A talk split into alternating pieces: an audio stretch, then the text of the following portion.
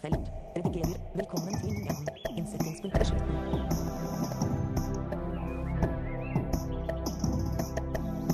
kan se på meg som en miljøarbeider og en slags omsorgsarbeider. Det, altså det, det positive med det at du får sjanse til å liksom være sammen med veldig mange flotte folk eh, som er midt oppi en periode der det skjer veldig mye i livene sine. Og du får liksom være med på den reisa.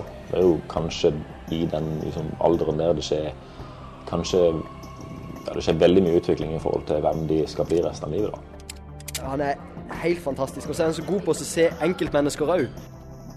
Han er morsom, han er litt rampete. Eh, Han er glad i å pranke kollegaene sine. Han er kjempegod med ungdom.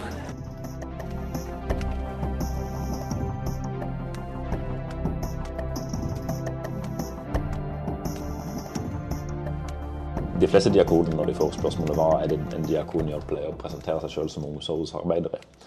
Og I mitt tilfelle så er jeg jo en slags ung, ung, ungdomsomsorgsarbeider. da. Så, så min, eh, min jobb i Søgne er på en måte å være litt rundt i forskjellige miljø.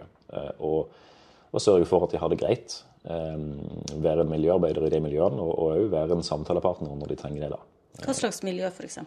Ja, altså det, det, Noen av de miljøene jeg er i, er innenfor kirka. Så vi har våre egne ungdomsmiljø. Vi har liksom klubben vår, f.eks. Vi har KRIK. Vi har eh, noe som heter Unge lovende, som er et sånn ungdoms... Eller det er jo ikke et ungdomsmiljø, det er per definisjon det er et ung voksenmiljø. Eh, og så har vi noe som eh, heter liksom Vi har sånne effektgrupper, eller UK-grupper, som er sånne filmgrupper og frisbeegrupper. Så vi har litt sånn forskjellig type ungdomsarbeid her, da. Og der er jeg med i. Eh, Men ca. 50% av jobben min er utenfor kirka og kirka sine ungdomsarbeid. da. Så da er jeg med på f.eks. den kommunale ungdomsklubben som heter Open Mind. Den skal skifte navn nå etter nyttår. Da skal den bare hete Søgne fritidsklubb. Eh, Men der er jeg involvert. Der er jeg liksom er i gang i uka. Eh, Og så er jeg òg involvert i noe som heter KUP, som er Kirkens ungdomsprosjekt. Det er noe som skjer inne i byen.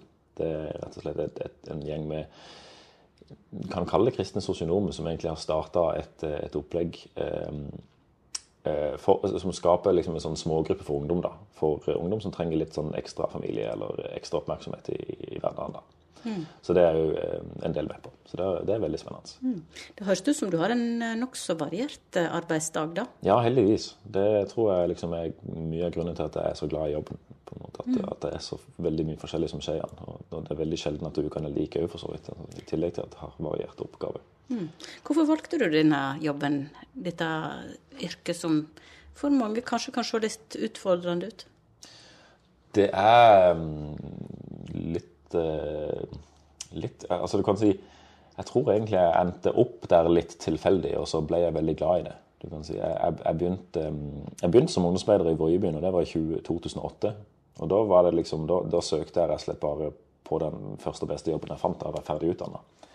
Jeg hadde ikke egentlig noen sånn ambisjon om at dette skal jeg gjøre til evig tid.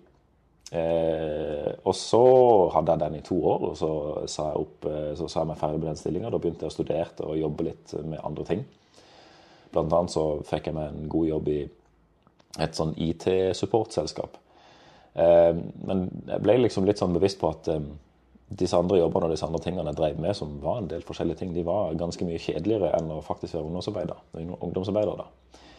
Eh, Så da merka jeg jo litt sånn at dette, dette lå ganske tett i hjertet mitt. Jeg hadde liksom en, en tanke om at det var litt for mye kveldsarbeid og litt for mye sånn ugunstige tider i en ungdomsarbeider- og ungdomsdiakonjobbing. Eh, Men så fant jeg vel ut av det etter hvert at det var mye å ha, eller det var mye bedre å ha det sånn enn å jobbe med noe man egentlig ikke syntes var like meningsfullt. da. Eh, Så da endte jeg opp med å, å fortsette med det. Og, det. og Mye av grunnen til at jeg syns det er veldig spennende og syns det er gøy, er de tingene jeg sa i stad. At du kan liksom være med, med dem på en reise som er veldig viktig for dem. Og du får bli kjent med eh, Det er jo rett og slett det at du blir kjent med så mange flotte folk. da.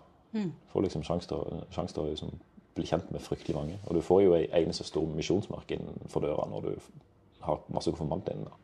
Er det viktig for deg å være noe for andre? Ja, det vil jeg si. Det er, jeg tror nok mye av, det, mye av det som gir meg mening, på en måte.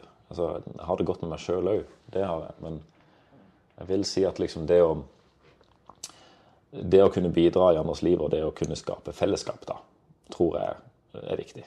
Og det var sånn jeg på en måte havna litt sånn inn på kirkesporet sjøl da jeg var ungdom. Eh, At det var liksom fellesskapet der som trakk meg. Det var fellesskapet Jeg opplevde at det var trygt og godt, og, og de hadde veldig mye spennende å si. da. Mm.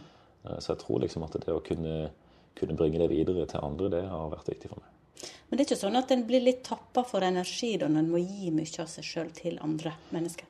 Jo, det er for så vidt sant, men, men hvis du omgir deg om, med de rette folkene, så kan du òg få. Så det, det går liksom litt på at eh, det er, det er både gi og ta i et sånn et, eh, sånn et jobb som dette. Og jeg tror nok Hvis jeg skal, hvis jeg skal reflektere litt over hva som har funka i denne jobben i forhold til andre jobber jeg har hatt, så er det egentlig det at vi er i et godt team som jobber sammen om, om dette. Og man sitter liksom ikke så mye på sin egen tue mm. og jobber med ungdomsarbeid. Så det er på en måte det, i, i ungdomsarbeidet så er det jo vi og ungdomsarbeider eh, og prest og kateket som på en måte er et team som jobber sammen med, med disse tingene. Jeg er nok den som på en måte er den litt sånn satellitten som jobber litt mer utenfor kirka. Men innenfor- Utarbeider. Ja, ut, ja egentlig litt sånn. Eh, men, eh, men innenfor de miljøene i kirka da, så er vi egentlig flere om det. Mm. Så det syns jeg liksom det, det har vært veldig viktig for meg. Da, for da, da føler du ikke at du sitter på egen. Og da føler du at du får like mye som du gir. på en måte. Men hvordan tror du disse ungdommene eh, ser på, eller eh, på en måte tenke om deg, da? Det, det eneste jeg, har, jeg vet sikkert om det, det er at de er ganske nysgjerrige på meg. Det kan jeg liksom spille litt sånn til det gode, tenker jeg. Fordi de er jo nysgjerrige på åssen det er å være svaksynt, f.eks. Mm. for jeg ser jo jeg ser ganske dårlig. Jeg, jeg må veldig nærme for å liksom kjenne igjen folk, for å si det sånn. Så jeg bruker jo mye sånn gjenkjenning på stemme og den type ting. da. Eh, Og det er jo veldig utfordrende ofte i ungdomsarbeid. Særlig når man skal deale med veldig mange store crowds. da. Altså hvis det er, altså vi, vi er veldig heldige i Søgne og har sånn rundt, rundt 90 konfirmanter i året da, eh, som er inne og, og skal konfirmeres. Og det, og det er det jo liksom, når alle de er der samtidig, så oppleves det nok ganske kaotisk. sånn sikkert for de som ser òg, men kanskje ekstra mye når en skal orientere seg litt ut ifra lyd. Kan du bli stressa da? Når det Ja, er det så jeg. mye som skjer, og du ikke ser? Ja, det kan jeg. Det kan jeg. Man lærer seg liksom etter hvert noen triks for å takle det bedre, men, men det, det er sånne ting som kan stresse meg. Men du sa at de er nysgjerrig på deg fordi Mm. du er synshemma og har den jobben du har. Men, men, men hva tilbakemeldinger får du? Hva sier de til deg om hva du er for dem? Nei, det er jo det som er litt spennende. For jeg, jeg tror liksom at eh, samtalen går ganske greit når de først tør å ta den, holdt jeg på å si. Eh, For jeg, jeg prøver sjøl å framtre som ganske sånn uhøytidelig rundt det hele. Eh, Og da tror jeg det er lettere for de å ta kontakt med meg om det. Og da når de kommer der at de kan faktisk tulle litt med det og ha det litt gøy med det, ikke sant? og, og erte meg litt, og jeg, jeg kan erte de tilbake, så tror jeg vi er på en god plass. Og så er det jo liksom Jeg tror jeg tror det, I begynnelsen så tror jeg det går, går for å være litt rart og fremmed for dem. For de er ikke vant med det. ikke sant? Det er ikke kjempemange i, i Søgne som er, har en synshemming, så vidt jeg vet. Eh, til noe som på en måte kan, kan være veldig trygt. da, Og noe som forhåpentligvis, hvis, hvis vi på en måte klarer å gjøre dette rett, da, så kan det være noe som faktisk åpner for at de kan, kan, kan si litt om hva de har det tøft med i hverdagen. Mm. Så det- Så du får en del historier fordi at du sjøl har viser din sårbarhet på en måte. Eh, Ja. Så gjør de det òg? Er Jeg, det sånn? tror, jeg tolker det i hvert fall sånn sjøl. At det på en måte det er med og bidrar til at det er lettere for de å åpne for meg, når jeg kan åpne for de og si at dette syns jeg er vanskelig, men dette er jo positivt. ikke sant? Jeg kan, kan åpne opp for, for den sårbarheten. da. Mm. Det tror jeg nok er viktig i dag, for det er egentlig noe som man gjør mindre og mindre, kan du si. Det, det er veldig skal helst ha god talt og ikke sette så mye ord på de vanskelige tingene. og Det eh, gjenspeiles jo i sosiale medier og sånne ting. At man skal helst bare vise fram solsida. Og jeg tror liksom at eh, kirka bør prøve å snakke, snakke ekte om livet. Og det bør vi jo alle, sånn sett. Altså, det, og da, da er det liksom viktig å løfte fram de tingene som er tøft òg. Og sånn som det å være synshemma, det er liksom Det er jo, my, det er jo mye altså, man kan si at jeg får veldig mange fine historier på på kjøpet, og jeg får mange inngangsporter til å prate med dem. Men samtidig så er jeg jo veldig tydelig på at det er utfordrende. Det er mange ting med det som er vanskelig. Og da, da er det like viktig å sette ord på det. Får de anledning å på en måte vise nye sider ved seg sjøl i møte med deg? Eh, jeg tror eh, Om en skal si det på den måten, da, så kan det av og til være litt vanskelig for, for ungdom å ta steg inn og vise seg fram for, for andre. Eh, litt sånn fordi at de er ikke helt trygge på miljøet ennå. Altså, si bare det å liksom settes Eller det å spille, spille, biljard, f.eks., eh, mens en hel haug med andre er på klubben. Det kan av og til være tøft for noen, noen ungdom. Mens hvis den, for den svaksynte inviterer til å spille biljard med dem, så tenker de ja, men da kan jeg i hvert fall bli med. Kan ikke bli å være. Og da, da er det liksom så, så hvis jeg gjør ting som på en måte jeg gjør det på mitt vis, og ofte eh, tuller til og feiler litt, så tar det ikke seg sjøl så høytidelig heller, liksom. Det tror jeg liksom er en positiv ting å, å være med og påvirke. da. Har du noen eh, egne erfaringer fra ungdomstida som er, veld, er spesielt nyttige i den jobben her? Jeg tror kanskje mye av grunnen til at jeg endte opp med å, å ta en kirkelig utdanning i det hele tatt, var nok litt sånn fordi at jeg, jeg opplevde det ungdomsmiljøet som jeg ikke sjøl, så viktig for meg og så betryggende for meg. I en fase i livet mitt der jeg hadde det tøft, og der jeg, der jeg sleit veldig med min synshemming. og var veldig sånn der, Det var ikke veldig gøy å være annerledes. Man hadde den der da, da følte man jo mer at man gikk rundt med et stempel, og at man aldri kom til å være som andre. Og aldri passe inn noe sted, kan du si. Eh, Det er det for så vidt mange synshemmede som kan slite med i voksen alder òg.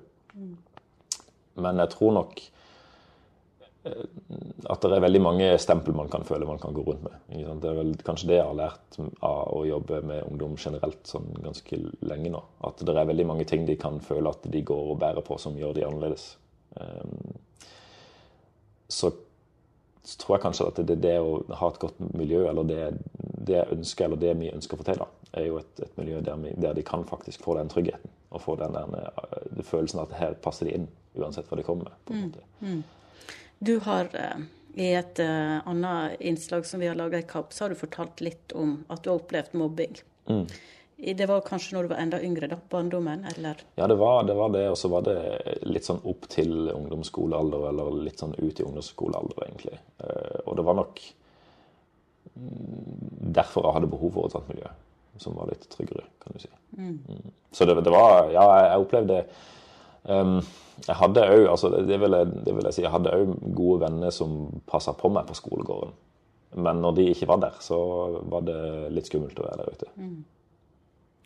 Kan du fortelle litt om familien? Barndom, oppvekst?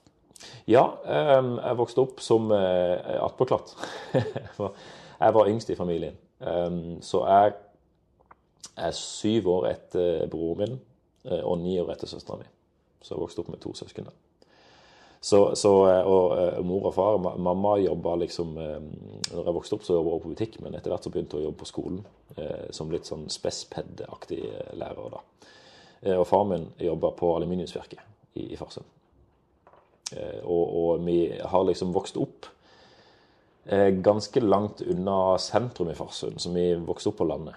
Eh, Der det var liksom, Jeg husker vi beskrev naboene våre. altså Når jeg snakker om naboen min, var beste, Bestevennen min var jo naboen min, og han bodde en kilometer unna. Så det var liksom snakk om litt eh, kan, da, da er du på landet når du vet at naboen bor en kilometer unna. liksom.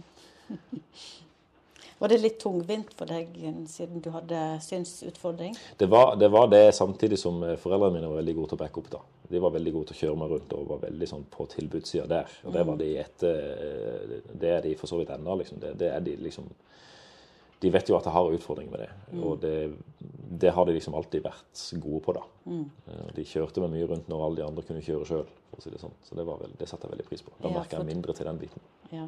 For når du ble ungdom, så var det kanskje ikke så stas å bli kjørt, men du, det var det du måtte. Ja, det var det jeg måtte. Det var det jeg måtte. Så, så den, den biten, altså Hvis en skulle si en ting som var kjipt i ungdomstida, så husker jeg jo det at når alle kjørte moped og alle kjørte bil, på en måte, det, det var kjipt å ikke kunne være med på. Husker jeg. Det var liksom en av de sorgene jeg måtte på en måte takle. da.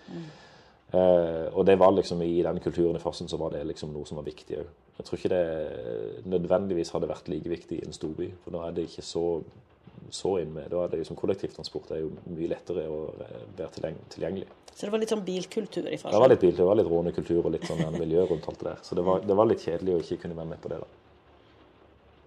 Du har pynta til jul, ser jeg. Juletreet kommet opp. Prøver så godt jeg kan. Ja. Det kommer opp så tidlig som mulig. Jeg, tar det opp, eh, jeg tok det opp første søndag i advent. Så det, Jul er viktig for deg. ja, jul er viktig for meg. Og så syns jeg liksom eh, egentlig lys og, og glede liksom er viktig for meg i ei tid der eh, det er mye mørke. Sjøl så blir jeg påvirka av mørketida. på en måte. Jeg blir litt sånn en, melankolsk da. Så da syns jeg det er godt å se alle julelysene. Er Liksom litt sånn på det og lyse litt opp hverdagen. Melankolsk. Hva er det som, eh, hva er det som slår inn da? Ja, nei, da er det vel egentlig bare litt sånn der Ja, hva skal jeg si? Eh, Det, det er nok en tid der man føler seg mer ensom enn ellers, da, tror jeg. Og det er kanskje Jeg vet ikke om det er påvirka av været eller påvirka av at man er mer inne. Men da kan jeg nok føle mer på ensomhet enn det jeg ellers gjør. på en måte. Er det et tema som du som eh, ungdomsdiakon er borti litt av og til? Ja, og, og um, faktisk så vil jeg si ikke bare blant ungdom, men òg en del blant unge voksne. da. Det er jo ganske høy statistikk på det i, i Norge nå, egentlig. At det er ganske mange eh, altså Mange single er det jo sånn sett. Det er det veldig høy statistikk på at det er. Men, men mer sånn at det, det folk Det tror jeg jo ble kanskje litt sånn veldig tydelig i koronatida. At det er ganske mange folk som lever et ganske ensomt liv. Altså om det gjelder venner eller familie eller hva de gjør for noe, så er det mange som faktisk er ganske ensomme der. Og det er noe som jeg tenker Ja, det er flere som bør ta litt sånn stilling til, men det bør i hvert fall kirka se nærmere på. Og det, og det, og det, liksom, der kan jeg være sjøl. At jeg kjenner at eh, Jeg er jo heldig som får veldig mye gratis gjennom de vennene jeg har i Søgne, og gjennom jobben min. på en måte, Jeg har en sosial jobb. Men så er det tider der, på en måte, sånn som vintertida når mørket kommer. ikke sant, Der man føler seg mer ensom enn ellers. da.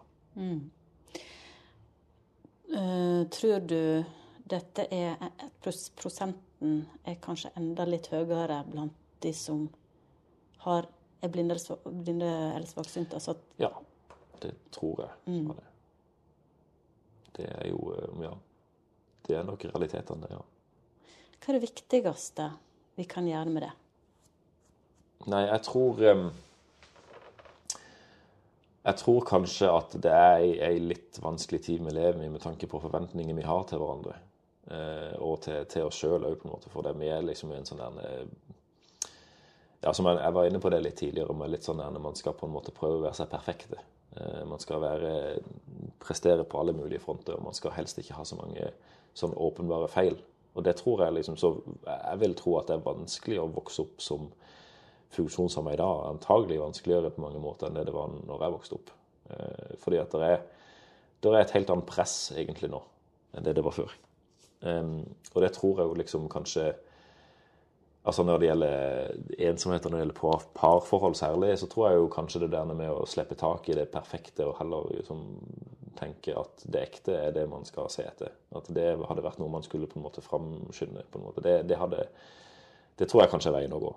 Jeg, tror liksom det der med at ja, der, er- der er liksom, Jeg tror vi har veldig sånn Hva skal jeg si? Jeg, jeg, jeg tror vi har veldig sånn Vi drømmer veldig mye om åssen de folkene vi skal leve livet vårt med, og de vi skal dele livet vårt med, særlig i, et partnerforhold. da. I tanke på det å være singel, så tror jeg faktisk det har blitt Jeg tror det er derfor, kanskje mye derfor man ser så stor prosent på, på hvem altså Veldig mange er single. Jeg tror jeg, las, jeg har hørt et sted at det er 50% i Oslo som er single nå. Kan du beskrive hvordan synet ditt er? Kan du se meg nå, f.eks.? Ja, jeg kan se det, men jeg tror nok at du forekommer mye mindre detaljert for meg enn det det ville gjort for en fullt seende. Eh, altså det, for, som som, for meg så er det egentlig eh, det er- vanskelig å sammenligne for meg hvordan jeg ser i forhold til andre, fordi at jeg har aldri sett sjøl, på en måte. Jeg har bare hatt dette synet, og det har liksom vært konstant hele veien, egentlig, det. Men det legene sier, det er at jeg ser um, Altså det, det en vanlig person ville sett på 60 meter, sier at du står og ser et skilt som er 60 meter unna. Da må jeg stå på tre meters avstand for å se det er ca. likt som det. Mm. så du kan si for min del så er det ofte jo nærmere, jo bedre. Eh, og da jo, jo, flere, jo nærmere jeg kommer, jo mer detaljer vil det på en måte dukke opp. Eh, for mitt syn har på, eller min, min skade på synet jeg går rest, rett og slett utover synsreseptorene. altså Det sitter ganske dypt på øynene. Så det vil egentlig si at hele signalet kommer ikke inn, på en måte. Eh, og det ene signalet, eller det, det ene øynet er mye verre enn det andre. Så mitt, eh, mitt venstre øye, det du ser fra din høyre side, det er det beste øynet mitt.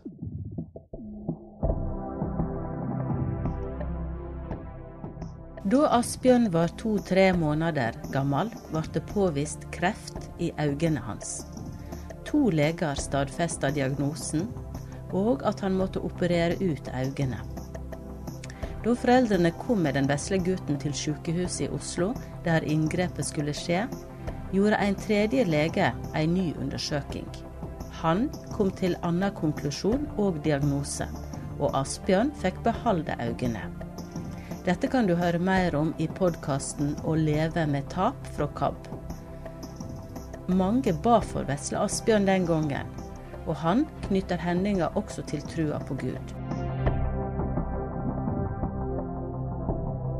Ja, eller gudfeldighet. Da vil jeg tenke at det Jeg, tenker sjøl da at det er noe som kan se ut som en tilfeldighet, men som på en måte da med troens øyne kan virke ganske styrt. på en måte. Så Det er kanskje det jeg ser det som. Har du tenkt på hvordan tilværelsen ville vært dersom du hadde hatt kunstige øyne i stedet for dine egne? Jeg har det. Eh, Jeg har liksom tenkt på Ofte har jeg liksom tenkt på tre versjoner av meg sjøl. Jeg har liksom både tenkt på meg sjøl som fullt seende, og, eh, og, og tenkt på hvordan denne personen ville vært hvis han på en måte ikke hadde sett det i det hele tatt. Og så har jeg liksom tenkt på hvor mye hadde det påvirka meg? Hvor mye hadde det påvirka veien jeg valgte, eller hvordan hadde det påvirka ja, personligheten min, på sett og vis? da, For det er jo sikkert mye utvikling i det òg. Og det er liksom vanskelig å si, da. Men jeg, jeg håper jo på en måte at mye av meg hadde vært intakt uansett hvordan øynene mine hadde vært. Eh, lite temaskifte. Når var det du oppdaget KAB, eller har KAB alltid vært der? KAB har egentlig vært der i forskjellige tider i livet mitt. Eh, Jeg husker jeg var involvert i, makeup litt sånn da jeg var ung, mye av tida. Eh, Da, da tror Ja, jeg husker veldig, jeg har veldig gode minner fra Lydavisen. altså den, eh, den på en måte, Jeg fikk en kassett i posten, og så hørte jeg på det mye av tida. Det, det, var- det var veldig gøy, husker jeg. Det, Hva som var gøy med det, da? jeg tror det var liksom det at den følte seg som en Altså, jeg, jeg, jeg var jo vokst opp på landet, og det var jo ikke så mange Altså, jeg hadde mange venner, men, men det var jo liksom, de var jo stort sett seende. Det var ei blind ei til i Farsund som bodde, som jeg på en måte var, var god venn med. Men, men jeg tror nok når jeg fikk den Lydavisen, som opplevde jeg nok veldig tydelig at det var mange flere av oss. ikke sant? Og at det var, man opplevde seg som litt sånn del av noe litt større. da. måte. Og det kunne jeg jo kjenne meg igjen i både på leirene til KAB og leirene til eh, Blindeforbundet, f.eks. Altså, da, da møtte man folk som hadde litt samme utfordringene som en sjøl. Ofte mange flere utfordringer. Eh, og det var liksom Det var, det var godt å se, se seg sjøl som en, en del av alle de òg, på en måte. Mm. Altså KAB var veldig viktig for meg når jeg var barn. De var ikke så sentrale i ungdomstida mi. Da var det liksom litt andre miljø som tok over. Men jeg hadde nok gjerne skulle sett at det var mer aktivitet hos KAB og hos, hos lignende organisasjoner for ungdom, da. Ja, apropos, hva slags aktivitet er det du mener KAB bør satse mer på?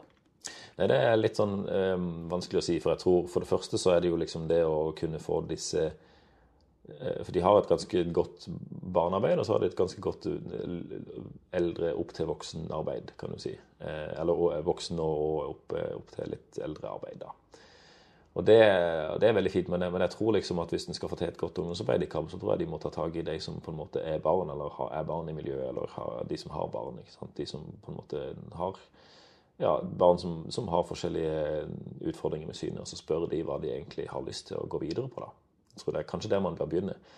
Eh, og vi opplevde for så vidt at det var et godt prosjekt. Vi hadde et, eh, vi begynte med et, et dataparty i samarbeid med, med KAB og, og eh, Blindeforbundet for ikke så altfor lenge siden. Det var et par år siden. Det var liksom før koronaen kom. Eh, og det opplevde vi jo at eh, ble veldig fint.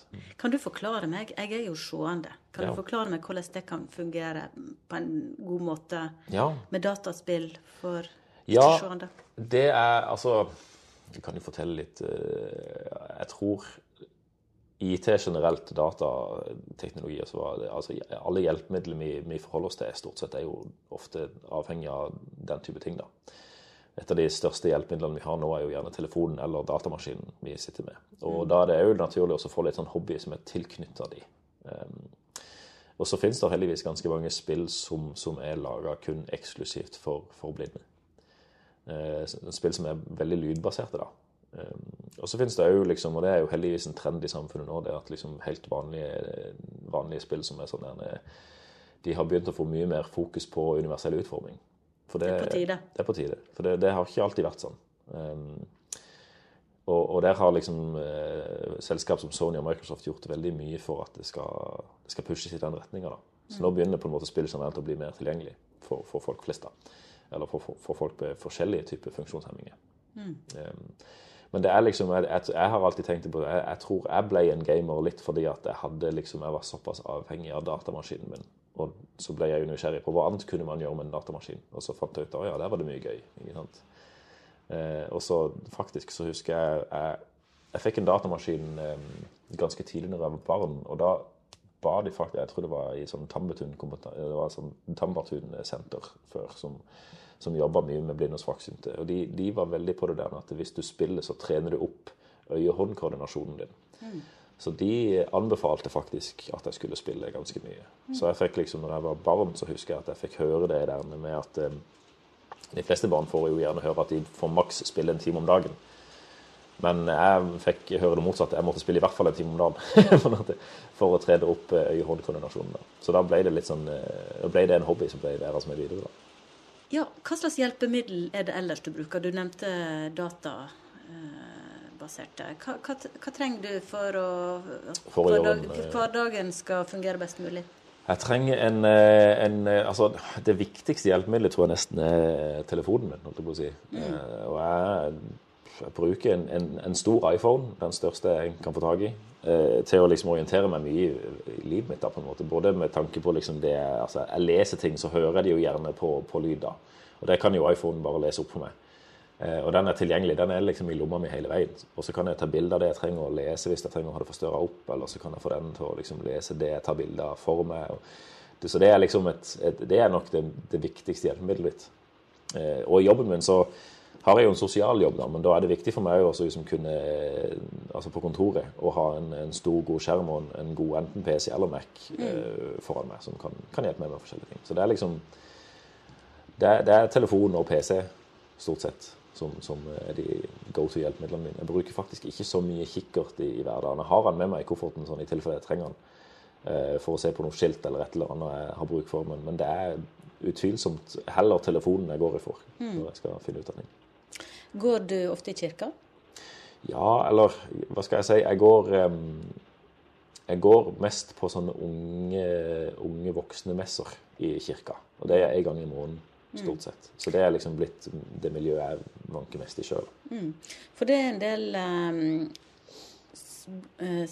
blinde og svaksynte som er litt opptatt av det med mm. salmeboka og vite hva salmer som skal synges, og mm.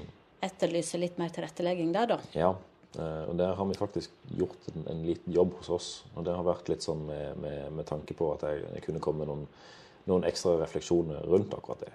Så vi bruker bl.a. når vi, vi har en gudstjeneste, så bruker vi en app som heter I kirken. Som, alt som kommer på storskjermen, som kommer liksom vises på, på storskjerm. Vi bruker veldig sjelden salmebøker kan du si, i, i, vår kirke, som vi har det meste på storskjerm. Og Da vil alt som, som er på den storskjermen, være på den appen. Og da kan du enten forstørre det opp, eller du kan få noen eller en, en, eller annen digital stemme til å lese det for deg, eller du kan lese det med leseliste, eller hva du vil. Så det er liksom en, en app som er litt sånn for universell utforming. Da. Nå har jo KAB utvikla et kurs som heter 100% med. Hva tenker du om det som jobber med barn og ungdom som ja, kanskje du, som du nevnte i stad, kan ha ut, forskjellige ulike utfordringer? Jeg tenker det, det er liksom det beste vi kan gjøre egentlig i dag, tror jeg, å oppføre oss som at vi er et inkluderende miljø. Altså være inkluderende og åpne for folk. Og da, da må vi òg ha ressursene til det. Um, på, uh, vi, vi, vi, vi treffer, vi har, det er mange forskjellige diagnoser, det er mange forskjellige folk som har veldig mange, forskjellige behov. Eh, og det å liksom kunne, være, kunne prøve å dekke så mange som mulig av de behovene, tror jeg er viktig at vi gjør. Særlig når vi ser liksom at det er så mange andre organisasjoner andre, andre steder i, i, ja, som, som de gjør det mye bedre enn oss. da. Kan vi rett og slett kalle det litt folkeopplysning? Ja. Er, det, ja, er, det, er det behov for Tenker du at det er ganske stort behov for det blant, også blant ansatte i kirka? Jeg tror det. Jeg tror det. Så tror jeg det den Kirka er jo eh, prega av tradisjoner og prega av at sånn har vi gjort ting. Og derfor er det sånn vi skal gjøre det videre. Eh, og jeg tror liksom at Kirka generelt er en, en, en, en litt sånn vanskelig organisasjon å snu på en del ting. Eh, og det gjelder nok òg litt sånn universelle utformingsbehov og tilrettelegging. Eh, Så jeg tror nok liksom at når man, når man spør liksom f.eks. en normal ansatt i kirka om hva en kan gjøre for å for eksempel tilrettelegge en gudstjeneste, så er det ikke kjempemange av de som har veldig mange gode svar på det, tror jeg. Så jeg tror ikke det er noe som tenkes så veldig Det, det tenkes for lite gjennom. Og det, det ser man jo på de som kommer i kirka. At det er på en måte det er overvekt av de som på en måte ikke har så mange funksjonshemninger eller, eller den type lidelse som vi trenger, trenger dekking for. da. Og da tror jeg jo på en måte at eh, kirka gjør en for dårlig jobb til å tilrettelegge. Ja, øh, vi sitter jo inne i um, leiligheta di, Asbjørn, her i Søgne, midt i sentrum. Og jeg kan jo ikke annet enn å legge merke til en eh, veldig stor, stort lerret her borte på en, som dekker mestedelen av veggen under hemsen. Ja. Kan du fortelle litt om det der lerretet? Har du kinovisning her, eller hva Jeg, jeg har det. Det er faktisk um, Det er jo personlig interesse. Jeg er paradoksalt nok litt sånn svaksynt filmnerd. Så um, det var Jeg har- egentlig klart meg helt fint med en TV ganske lenge, men eh, så har jeg liksom òg etter hvert bare Jeg kjenner jo at jo, jo større ting er, jo lettere for meg er det jo å se det. Så det er, det er ikke så lenge siden jeg kjøpte denne, dette lerretet og dette, denne prosjektoren. Det var rett og slett når, eh, når vinterkulda kom og jeg måtte være mer inne, så bare kjente jeg at nei, nå er tida. så, så da kjøpte jeg, kjøpte et stort, stort lerret. Så jeg kjøpte det største lerretet jeg kunne få plass til, og så went, I went all in, rett og slett. Kjøpte, ja. Men hva slags sjangre er det du eh, pleier å se like, liker, liker best? Jeg er veldig glad Altså, jeg, jeg kan gjerne se, se spenning. Altså eh, litt sånn der thrillere, action. Jeg kan gjerne se gode drama. Jeg kan, jeg kan også, Jeg er veldig glad i grøss. Det er jeg faktisk veldig glad i. Jeg kan være glad i horror, liksom. Men det opplever jeg nok at det er veldig langt mellom hver, du, hver gode film du finner, eller hver gode serie du finner. Det, det er en vanskelig sjanger å mestre, på en måte. Men jeg, hvis det er en god grøsserfilm, f.eks., så er det noe av det beste jeg ser. Det syns jeg er gøy. Ja, da eh, samler du andre her, eller sitter du og ser på grøssere? Nei, jeg tør ikke se det på meg sjøl. Nei, da er jeg avhengig av å ha, eh, ja, ha noen eh, ved min side. Jeg syns film er liksom Merkelig nok, selv om man sitter på siden av hverandre og ikke sier et ord, så er det egentlig en veldig sosial opplevelse. Så serier kan jeg godt se for meg sjøl, men filmer må jeg liksom se sammen med andre. Hva andre eh, interesser og aktiviteter driver du med ved siden av å være aktiv i jobb? Eh, jeg, altså, det høres litt sånn eh, teit ut, det, men jeg er veldig glad i å bare liksom, gå ut og være med venner. Enten det er på kafé, eller om det er går tur sammen, eller hva det er for noe. på si. Eh, og så tror jeg kanskje den, den med, altså Hvis jeg skal virkelig bare slappe av sjøl, så er det faktisk ikke nødvendigvis film eller serie som er tingen. Da er det faktisk mest det å sette på en podkast eller en lydbok og gå en tur. Det er liksom Sånn er på en måte hva skal jeg si, unwinde. Altså bare koble ut, kan du si. Og ellers er jo gaming òg en, en hobby. Det syns jeg er veldig gøy. Eh, Er denne jobben din med å på en måte holde deg ung, for å si det sånn? Ikke at jeg oppfatter deg som noen gammel, men du er nå tross alt 38, da. Jeg er det. jeg er det. Begynner å bli gammel, vet du. Nei, men jeg tror, jeg tror nok at eh, det er en synergi der, ja. Jeg tror nok det at liksom eh, Når man hører liksom hva unge folk driver med, så blir man jo nysgjerrig sjøl, sant. Eh, og så er jeg jo òg heldig som har liksom noen av disse, disse tingene de liker å drive mye med for tida. Det har jeg jo som personlig interesse. Altså, jeg kan gjerne se på film og game, ikke sant? og det er jo mye de liker. ikke sant? Og det, det, da, kan, da har man liksom alltid noe å snakke om. Og så blir jeg jo påvirka. Jeg blir jo liksom Å, det syns du var gøy, ja, da tar jeg og ser det, eller øh, sjekker det. ikke sant? Så, så det, det er en synergieffekt der, ja. Tror jeg. Ja.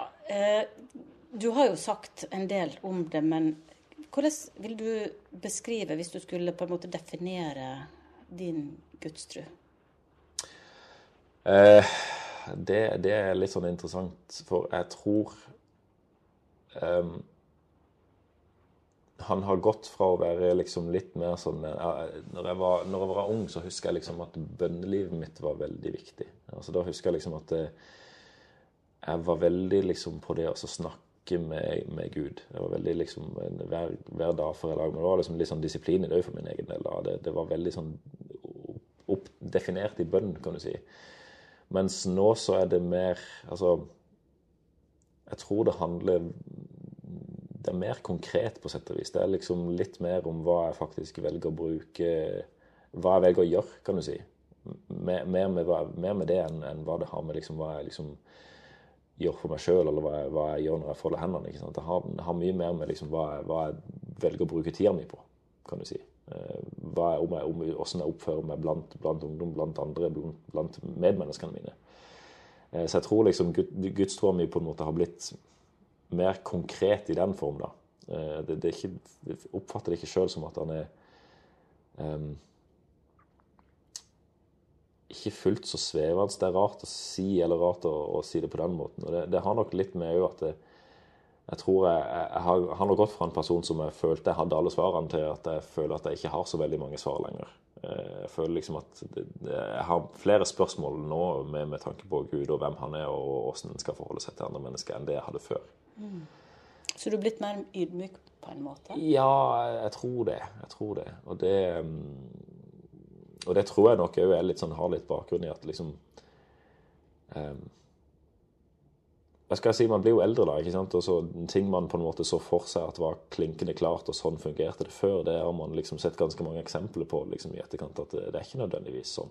Eh, Og faktisk så har jeg liksom sett eksempler på den klassiske kristenlæra, hvordan den egentlig kan skade, hvis den på en måte blir eh, ja, formidla på, på et visst vis, da. Har du noen eksempel på hva du tenker på nå? Ja, det, det kan jeg. Eller jeg har, jeg har vel egentlig det. Jeg har liksom For min egen del da, så har jeg hatt en reise på det når det gjelder liksom eh, legning, da. At eh, jeg har, har sett folk som på en måte har hatt et, et klassisk syn på, på at eh, homofili skal man eh, Ja, altså Det er liksom heterofili som, som gjelder i, i kristendommen, da. Det er liksom på en måte Den, den biten der har jeg liksom vært ganske tydelig på sjøl, at det jeg trodde jeg var var sant. ikke sant? Jeg, jeg trodde liksom at, eh, at homofili det var liksom egentlig noe som var ganske unaturlig, og ikke så veldig bra å drive med. Men så har jeg liksom sett en del eksempler på der, eh, der dette har blitt formidla til, til folk som, som er, har en homofil legning. da. Og der jeg oppfatter det som at de, det har på en måte bare gjort ting verre.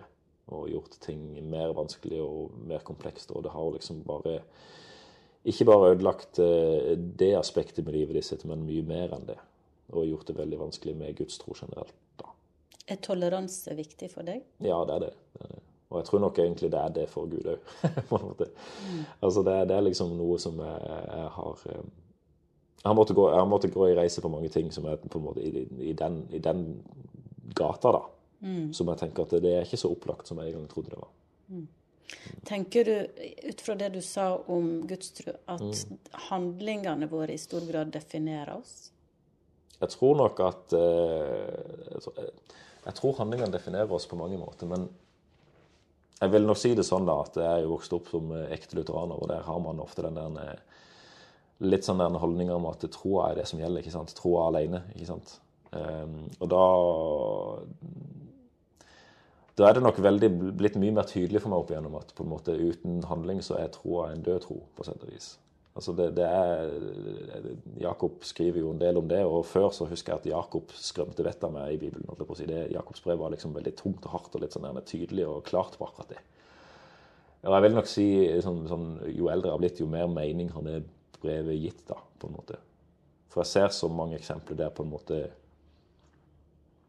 ja, jeg føler liksom hvis man, hvis man ikke på en måte klarer å sette troa ut i handling, så får man egentlig ikke reflektert nok over troa si heller. Man kan kanskje liksom tro på ting som rett og slett egentlig ikke stemmer, før du får prøvd det ut, på sett og vis. Apropos handling, så er det jo ikke så veldig lenge nå til Ser klokka går. Ja. og du skal snart eh, av gårde for å rigge eh, til et arrangement. Ja, det blir det. Altså, det, vi, vi skal ha en juleavslutning med, med klubben vår, um, som heter UK Klubb. Og der, eh, der, vil jeg tro vi blir en sånn ja, 3-24 stykk som skal spise julegrøt sammen og ha litt juleleker. Um, vi skal prøve å ha litt sånn, spille litt julemusikk, og vi skal bl.a. ha et band inn. Så er vi på plass i forsamlingshuset. Inne på kjøkkenet er julegrauten snart klar. Der er de som arrangerer avslutningsfesten, bl.a. kollegaene prest Johan Breili Gimse og Vibeke Borøy, som er ungdomsarbeider. Eh, han er mm, utadvendt. Han er omsorgsfull. Han er sosial, inkluderende. Og eh, på tilbudssida. Ja. Det høres ut til å være en perfekt kombinasjon når du skal jobbe med ungdom, da. Eh, Perfekt. Helt perfekt. han er kjempegod med ungdom. Han er morsom. Han er litt rampete. Ja. han er glad i å pranke kollegaene sine. Og så er han veldig morsom å pranke tilbake igjen, da. Ja, du, har, du har lurt han skikkelig et par ganger, kanskje? Ja, det er mest sånn herre eh, stå bak et hjørne og Sibø-nivå på prankinga. Sånn Enkel humor. Ja, veldig enkel humor. Han er litt sånn skvetten av seg. Ja.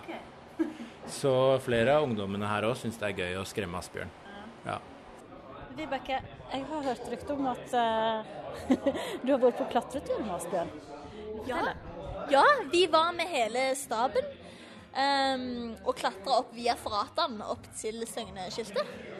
Eh, vi klatra etter navn, og han, selv om han ikke kunne se så veldig mye, så kom han seg helt til topps. Og det var, vi var veldig imponert over han, hele, hele gjengen. Ja. Er han litt sånn type som tar utfordringer? ja, veldig. Han er veldig uhøytidelig og, og liker å le. Det var kollegaene. Men hvordan ser de han jobber for og med på Asbjørn? Rundt bordet sitter noen ungdommer og et julegraut. En av dem er Sverre Borøy. Ja, nei, han er utrolig grei. Så jeg tror så å si alle ungdom er veldig fornøyd med at vi har Asbjørn i eh, kirka. Og, ja, Ungdomsdiakon. som ungdomsdiakon, som det så fint heter. Eh, han er helt fantastisk. Og så er han så god på å se enkeltmennesker òg. Selv om han fungerer i en gruppe, så er det så utrolig koselig. Det, det er vanskelig for oss gutter å kunne sette oss ned og så prate én til én. Men når vi først kan prate med Asbjørn, så er det jo helt fantastisk. For han ser oss på en sånn måte som lærere ikke gjør, på en måte, og andre voksne. Man kan på en måte være litt ungdom sammen med Asbjørn òg. Veldig takknemlig for det miljøet vi har fått. Og han har jo vært med på å skape dette her miljøet for oss eh, ungdom, og muligheter til å kose oss på fritida òg.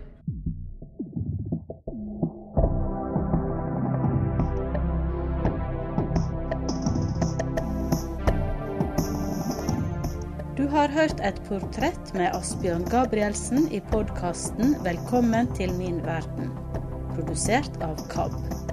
Vil du høre flere episoder? Søk på KAB der du lytter til podkast. Jeg heter Anne Sande.